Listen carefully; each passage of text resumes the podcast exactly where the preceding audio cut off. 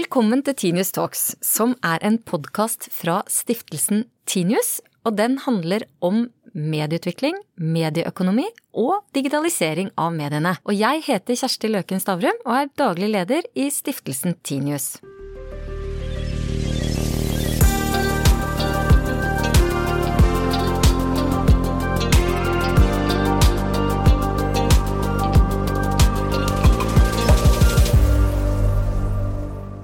År, nye muligheter. Eh, og da er det alltid utrolig spennende å snakke om hva vi kanskje kommer til å være opptatt av i alle de månedene som ligger foran oss. Vel vitende at ingen vet det. Men de som kanskje har en eh, veldig god fornemmelse eh, av hva vi kommer til å snakke mye om, hva vi kanskje kommer til å bli overraskende mye påvirket av i mediebransjen i 2019. Eh, de sitter foran deg nå. Her har jeg Bente Solid Storhaug, som er direktør i Digital hverdag. Som bl.a. sitter i styret i Polaris, mediegruppen, og en rekke andre styreverv. Men det har vi ikke tid til å ramse opp nå. Og velkommen til Espen Sundve, som er produktdirektør i kolonial.no, men som har en lang bakgrunn i Skipsted og VG på teknologi- og utviklingssiden. Og det, det enkle svaret dere skal gi nå, er rett og slett hva blir de? Ja, par-tre viktigste teknologidriverne i 2019? Hvem melder seg på? For det første så blir det jo mer av det samme, eh, men bare bedre. Eh, og mer funksjoner innenfor de, de samme teknologiene. Men eh, vi, vi, så jo hva som lå under juletreet til veldig mange nordmenn i år. Det er mye stemmestyrt teknologi. Google Home ble en stor vinner. Og også smarthusteknologi. Sånn at mye av det vi som, som, kommer til å prege oss, det er at vi ønsker eh, innovasjon som gjør at vi både sparer kostnader og, og sparer tid. Vi må snakke mer om det, men Espe, hva er det du tror blir de sånn par-tre vi skal være opptatt av i år? Det er på en måte eh, Lyd- og stemmestyring er en viktig del av det. Det er fortsatt mer av det vi holder på med nå. Kompleksiteten ligger litt om under panseret. Det er enda stor fortsatt fokus på Eh, effekten det har av å gi eh, datamaskiner og, og maskinlæring eh, så stort påvirkning på livet vårt. Det, det, er jo så stor del av hverdagen vår som, som defineres av eh, hva noen med redaksjonell eller ikke-redaksjonell bakgrunn sier at vi bør være opptatt av. Jeg tror ikke nødvendigvis vi kommer til noen løsninger i det, men vi kommer til å se fortsatt store liksom, bevegelser i hvordan store plattformer blir ansvarliggjort, blant annet. Ja, fordi vi så jo på slutten av 2018 var det jo igjen en serie skandaler knyttet til særlig Facebook, men, men også Google fikk sin andel, og Amazon er jo også mye problematisert, Bente. Er det liksom det store tech-lashet har fått en enda større, større hva skal man si, kraft i seg? Det å ta et steg tilbake nå eh, og, og se på hva er det vi, hvilken utvikling er vi på vei inn i. Eh, hvordan er sikkerheten? Hvordan er personvernet? Eh, det er helt naturlig. Det har, eh, teknologiutviklingen har litt løpt foran både lover og regler og etikk. Sånn at vi, vi, er nødt til å stoppe opp litt. Vi får sånne epoker hvor vi stopper opp og tenker oss litt om. Det som er spennende nå, er jo at vi begynner på en epoke der vi skal ikke bare eie og samle data, men vi skal bruke de dataene til bedre intelligens i, i løsningene våre. Eh, mye av det du ser i dag, det er relativt uintelligent. Eh, og det er veldig mye chatbots, eh, digitale assistenter, som fortsatt er under opplæring. Sånn at eh, de som klarer nå å prøve å forstå forbrukeren mer i riktig kontekst, det å by på tjenester som gjør at vi føler at uh, dette skaper en fordel for, for, oss som forbrukere, de selskapene tror jeg vi kommer til å knytte oss sterkere opp til. Espen, du har jo faktisk gått fra mediebransjen og over til en helt ny bransje, nemlig den som bringer uh, matvarer til oss hjem. Er det mye, stadig mye mer produkt utvikling eh, som kommer til å skje derfra? Når du hører Bente sier at vi, nå skal vi bruke dataene, og så skal vi få bedre produkter? For vår del handler fremdeles å gi en fantastisk bra, helhetlig god opplevelse eh, som gir mening for kunden og er bra eh, logistikk. Og da er, da er, det sånn at det er ikke Det er veldig fristende å hoppe på en, liksom, en teknologitrend ett sted i produktet vårt. Fantastisk maskinlæring for uh, anbefaling hva du bør ha i kjøleskapet ditt, f.eks. Men uh, det å bli veldig god teknologisk på ett sted hos oss er uh, er ikke så viktig som å være fantastisk på tvers. Og Da kan du heller lene deg til liksom mer kjente teknologier. Vi har litt mer tro på den tilnærmingen enn å på en måte satse alt på at ett, en liten del skal være veldig bra. For det er ofte veldig ikke så godt for sluttbrukere. Tror du det blir viktig å ha sånne stemmestyrte bokser i huset, Espen? Ja, jeg tror vi kommer til å ha det, de fleste. Uh, og det er på en måte noen uh, sosiale grunner til det, hvor den skjermen begynner å bli ganske krevende å forholde seg til. en del sosiale setninger. Det er helt menneskelig naturlig uh, å både prate og lytte. så på en måte vi innfører jo ikke noe som vi genuint aldri har gjort før. Og Det tror jeg gjør det lettere å akselerere denne tingen enn f.eks. Eh, måten forholder oss til VR og AR og andre kategorier, som, som, krever en litt omstilling på hvordan du tenker rundt, rundt bruken. Ja, for med det som, som bakgrunnsvente, så er det nesten sånn man kan tenke at det er rart at ikke vi har fått stemmestyring før. All den tid det er jo, det er jo Når vi gir beskjed, så gjør vi det jo hovedsakelig ved å snakke. Jeg, er så heldig at jeg har en åtteåring. Eh, og før han begynte på skolen, før han kunne å lære eh, Lærte å skrive og lese, så, så, klarte han å snakke med teknologi. Uh, han snakket med Siri, han snakket med fjernkontrollen. Så han hadde egentlig ingen hinder i å bevege seg ut på, på nettet. Uh, den generasjonen tror jeg er den første såkalte AI-generasjonen som, som, vokser opp. Helt andre preferanser. og har selvfølgelig helt andre medievaner. Og etter hvert så, så ser vi jo, når jeg går opp på tolvåringen og 15-åringenes eh, atferd på nettet, så ser jeg at de har helt andre preferanser i forhold til hva de kjøper på nettet, og hvordan de researcher og tar beslutninger på hva de ønsker å kjøpe. Sånn at det å være en aktør i dag, enten du er en etablert bedrift som skal favne om alle de endringene og skal transformere deg, det er veldig komplekst. Eh, veldig krevende lederoppgaver i de bedriftene. Men det er jammen veldig krevende å gjøre som kolonial også, å bygge opp en helt ny type økosystem, logistikk, teknologivirksomhet som skal eh, betjene oss eh, kravstore forbrukere. Ja, det, det er det jo virkelig. Eh, og det på en måte stemmestyring, hvis vi hopper på den biten i det, er jo på en måte fristende ting. altså Det er helt naturlig del, og vil nok være det for vår del òg. Uh, og jobber mye på en måte det som et, sted i hverdagen hvor du kan gjøre dagligvarehandelen din. Uh, men enn så lenge så er det lite utbredelse av de enhetene som er smarte nok til at du kan snakke med dem, og det, det krever å være god nok på baksida på det. Så jeg tror du først og fremst vil se stemme innenfor det hvor det er et naturlig lydalternativ i dag, eller hvor det er veldig enkle ting du, du skal gjøre. Sette på musikken, og så har du gode spillelister på Spotify, eller skal skru, skru av lyset. Nå har vi jo selvfølgelig vent oss til at folk går og snakker ut i lufta med sånne hvite pigger i ørene. Eh, så vi er jo vant til at man eh, Underlige situasjoner hvor, eh, hvor det snakkes.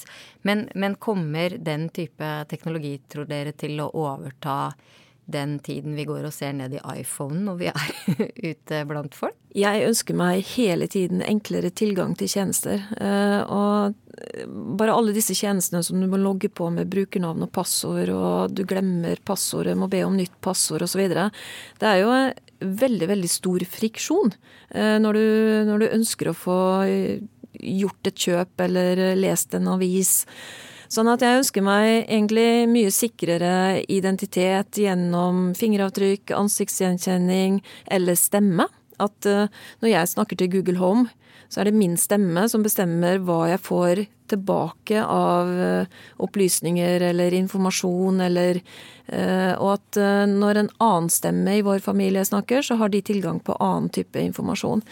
Det er mye ved nettet i dag som er fortsatt veldig preget av altfor mye friksjon og litt for lange kundereiser. Eh, litt for kompliserte kundereiser, som gjør at mange går fra handlekurvene sine. Så Amy Webb, som jo er en av liksom verdens store sånn trendspottere, hun hevdet jo for snart et år siden at iPhonen har nå peaket, ikke sant. At nå går det nedover med den. Den vil jo være stor fremdeles ganske, liksom, ganske lenge, men i vekst så det er jo ikke noe trenger nødvendigvis å predikere. Det ser en jo. Så det er jo tilfellet. Det er en ganske moden uh, plattform og kanal. Uh, så kommer det til å vokse opp nye. Det tar jo tid å få ut, det, få ut en del ting. Det går raskere og raskere, men det tar fremdeles tid å erstatte uh, aller helst vanene i hverdagen om bruksmønster. Folk leser fremdeles aviser på bussen. Ta kolonial.no, da, ikke sant, hvor du jobber. Hvor, hvor, til syvende og sist så skal du jo få meg til å slutte å gå i butikken. Eh, og det er jo vel kanskje det som er hovedutfordringen, eller? Det er kjempekrevende. Eh, for folk kan ville det, og det er mange rasjonelle argumenter til at du ønsker å gjøre det. Jeg ønsker å begynne å trene, men det er vanskelig å komme i gang eh, fordi jeg må endre vanen min. Eh, og det samme ser vi litt på dagligvarehandel på nett, og vi så det litt på bruk av mobiltelefon i en uh, bussetting, ikke sant? men gjør du det ofte og små nok ganger over lengre tid, så det, tenker du ikke over det lenger. Så, og Det samme vil være med, med, lyd og andre kanaler. At du liksom begynner med noen få, få drypp, og så til slutt tenker du ikke over at du faktisk går der og prater med, med lufta. Nei, det er rart med det. altså Før så var jo det sosialt veldig belastende. Den idioten som satt i, i togvogna og snakka i mobil. Jeg tror det er sånn både og-prinsippet gjelder bare mer og mer mer, for vi kommer ikke bare til å sitte og handle på nett. Eh, vi kommer ikke bare til å gå i fysiske butikker. Vi gjør begge deler. Eh, sånn at alle må tenke at en forbruker den befinner seg i to verdener. Den har en stor del av sin eh, hverdag i den fysiske verdenen. Der er vi mest. Sånn at vi må være der. Og så må vi være på nett. Fordi veldig mange beslutninger, de tas på nett. Ikke nødvendigvis alt blir kjøpt på nett, men veldig mange beslutninger formes på nettet gjennom research. Og så går vi kanskje også i fysiske butikker og, og kjøper disse varene. Amazon går jo også fysisk. Må jo ikke glemme at det er ikke bare de fysiske som går på nett. De sterke digitale aktørene, mange av de går også fysisk. Så hvis jeg skal høre dere rett nå, så, så kan vi kanskje ha et håp om at 2019 er mer i forbrukernes, eh, forbrukernes år, hvis vi kan si det sånn? At, eh, at man har en større generell eh, bevissthet om data og databruk. Det er starten på, på at vi forbrukere kommer til å etterspørre mer trygghet, eh, bedre personvern eh, og økt sikkerhet på nett. Eh, hadde jeg vært 25 år i dag, så, hadde jeg begynt å jobbe med blokkjein. Og jeg syns blokkjein er underkommunisert, og hva det egentlig representerer av forbedringer. Den neste generasjonen nettet skal kunne håndtere store transaksjoner, det skal kunne håndtere verdier. Eh, og det skal kunne håndtere økt sikkerhet. Så blokkjede representerer jo mye av det vi i dag eh, mangler for å kunne føle trygghet rundt transaksjoner, for å føle trygghet rundt eh, verdier vi, vi eier. og jeg tenker også for mediebransjen. Så hvis du er eh, opphavsmann i dag og har eh, verdier eh, som er immaterielle, som, som ofte har vært utsatt for mye misbruk på nett, så kan du bruke blokkjedeteknologi til å forestå den ene lille transaksjonen, og du får oppgjøret ditt der og da. Espen, er, er, deler du den optimismen? Pendelen har jo alltid pleid å svinge mellom liksom sentralisering og desentralisering. og nå kom jo eh, World Wide Web i tidlig 90-tallet med liksom lovnaden om at nå skal vi desentralisere og, og bryte ned gamle stormakter eh, knytta til det, rundt informasjon spesielt. Og så har jo det sentralisert seg. Eh, så nå i 2019 sånn, så er det jo noen aktører som står for nesten all makt i det digitale landskapet. Så, så, sånn sett så er det alltid interessant å se på om det er noen eh, teknologier som måtte legge til rette for, eh, for desentraliseringen. Og Da er jo blokkjeden en eh, interessant kandidat i det, som går og måtte stikke hull på de eh, databasene som enkelte selskaper har eh, akkumulert seg og er, på en måte, er børsverdien deres. Det er jo veldig lett i dag å tenke at uh, vi har de store digitale selskapene, og vinnerne tar alt. Jeg prøver å se, er det muligheter, er det noen Uh, kan si skift, uh, nye teknologier som kan komme inn egentlig og forstyrre litt det bildet. Man vil jo ikke at uh, digitale seire skal være vunnet for alltid. Men den brutale virkeligheten har jo ofte vært at det har vært et rom, og så har man blitt kjøpt opp, eller så har de store gigantene bare kommet og og tatt markedsandelen? Ja, de har jo kommet over tid, da. Videre på det med blokkjede, om på en måte, det, det, på en måte, coins og sånne ting er jo en del av det, men det er masse annet som er spennende. Jeg brukte å se litt i, og jeg gjør fortsatt, i Internett for Dummies eh, førsteutgaven som skrev i 1993. Og helt bak i den boka, eh, liksom langt bak i kapittel 22, så står det It's more than super, it's hyper. World Wide Web, what's the big deal? Og det var jo ikke GoFor og Newsgroup og alt det som endra industrier, det var den eh, teknologiinfrastrukturen der som la til rette for det.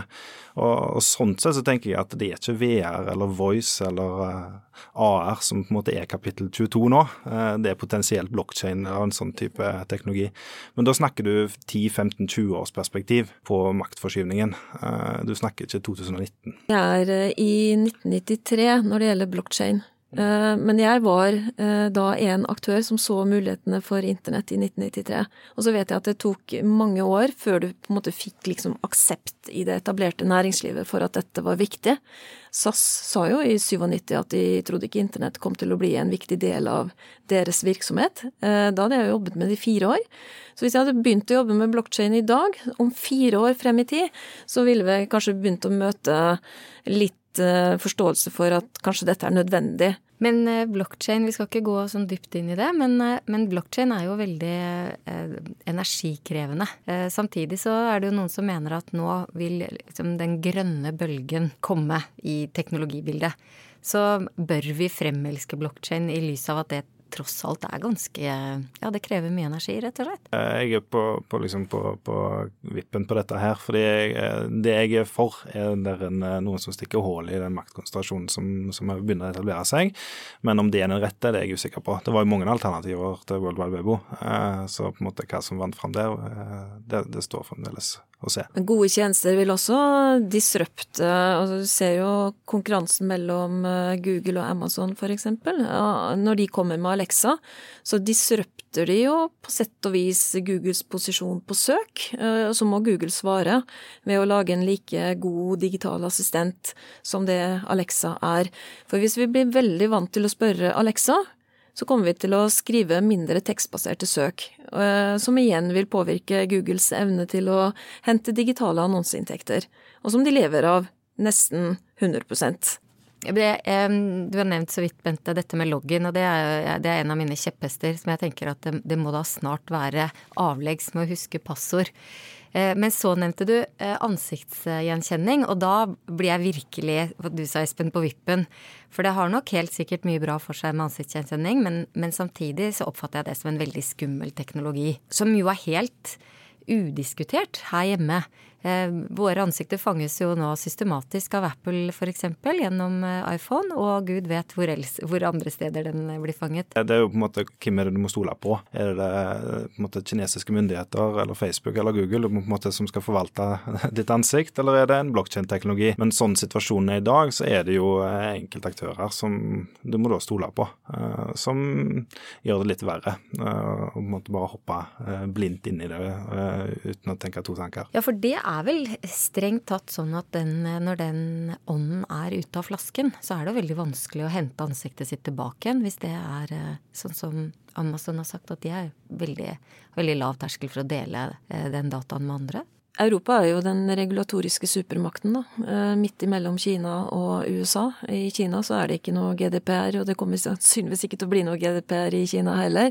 Så de, de bare gjør bruk av alle de mulighetene som ligger innenfor eh, teknologi i dag, og, og, gjør ikke personvern til et konkurransefortrinn. Altså en aktør som tar personvern, sikkerhet, trygghet for forbrukeren på alvor. Eh, vi ser det kanskje ikke helt akkurat nå, men på sikt så kommer det til å være helt avgjørende for meg i, i forhold til hvilke selskaper jeg forholder meg til. Og de som bryter personvern gang på gang, og egentlig bare demonstrerer at eh, de ikke evner å ta tak i det eller forbedre seg på det området, de tror jeg til syvende og sist eh, får seg en kraftig korreksjon. Ja, for Det er jo et veldig stort spørsmål om det er sånn at, eh, at, det er et kritisk eh, punkt for en bedrift, eller om folk flest egentlig bare har akseptert at vi får nå bare gi fra oss disse dataene og håpe at det går til det beste. I en god periode så gjør det jo fort det, hvis produktet er bra nok. Og løser et reelt problem, så gjør en jo det. Og så begynner produktet og området å bli modent, og da kan du stille andre spørsmål. Eh, og i en digital setting er det på en måte forvaltning av personvernet. I andre industrier så ser vi hvordan er dette på barnearbeid i produksjonen av dette her. Altså det er mange, Men i staten så kjøper vi de klærne fra Hennes og Møritz, da. Og så tenker vi at alt er da sikkert bra. Eh, så vi på en måte, eh, Og så blir vi smartere og smartere. Så den forsinkelsen er der, er der, er der dessverre. De mest eh, krevende forbrukerne er kundene. De bor i Norden. og i California. Og den som nå kommer etter å etablere sin GDPR-variant, det er California. Sånn at uh, neste år så vil vi se at de også innfører samme type personvernforordning som vi har i Europa. Men det kan jo legge til altså de fleste verdener nå som jobber med automasjon, enten om det er mot sluttbruker eller logistikk eller hvor det skal være, det, det begynner liksom å få roller da, som aldri har eksistert før. og Det er designetiker og product ethics, og du begynner å få det inn. Så altså, burde ikke det vært der hele veien. Uh, men uh, nå begynner det å sette seg, da. Det er jeg helt enig i. Det burde jo egentlig opplagt vært der hele tiden. Vi skal, vi skal, runde av, og da Nå ligger det jo et helt blankt år foran oss, eh, og ingen av oss vet eh, hvordan det blir. Eh, det er alltid like spennende. Men er det noe dere skulle helt sånn på tampen tenke at å, det skulle jeg ønske at døde? Det skulle jeg ønske var slutt på. At det, det skal jeg ikke bruke mer, eller det var en hype. Er det et eller annet som dere tenker at i hvert fall vi kan legge bak oss i den når vi nå står, står, foran noe? Det er jo døgnfluer hele tiden. Eh, spesielt eh, på innenfor startup-verdenen så er det jo veldig mange som prøver seg, og mange eh, beviselig har ikke livets rett. Mange får ikke finansiering og blir borte av den grunn. Jeg tror ikke noen av teknologiene blir borte, men jeg tror at de kommer til å bli brukt mer på en anvendbar måte jeg i hvert fall kommer til å akseptere mindre og mindre hver, hver produktet for annonsører. Eh, og jeg tror flere rundt meg gjør det, òg i lys av personvern og andre ting. Ok, den som lever får se, som det heter. Da skal jeg si takk til Bente Solli Storhaug i Digital hverdag og Espen Sundve i kolonial.no.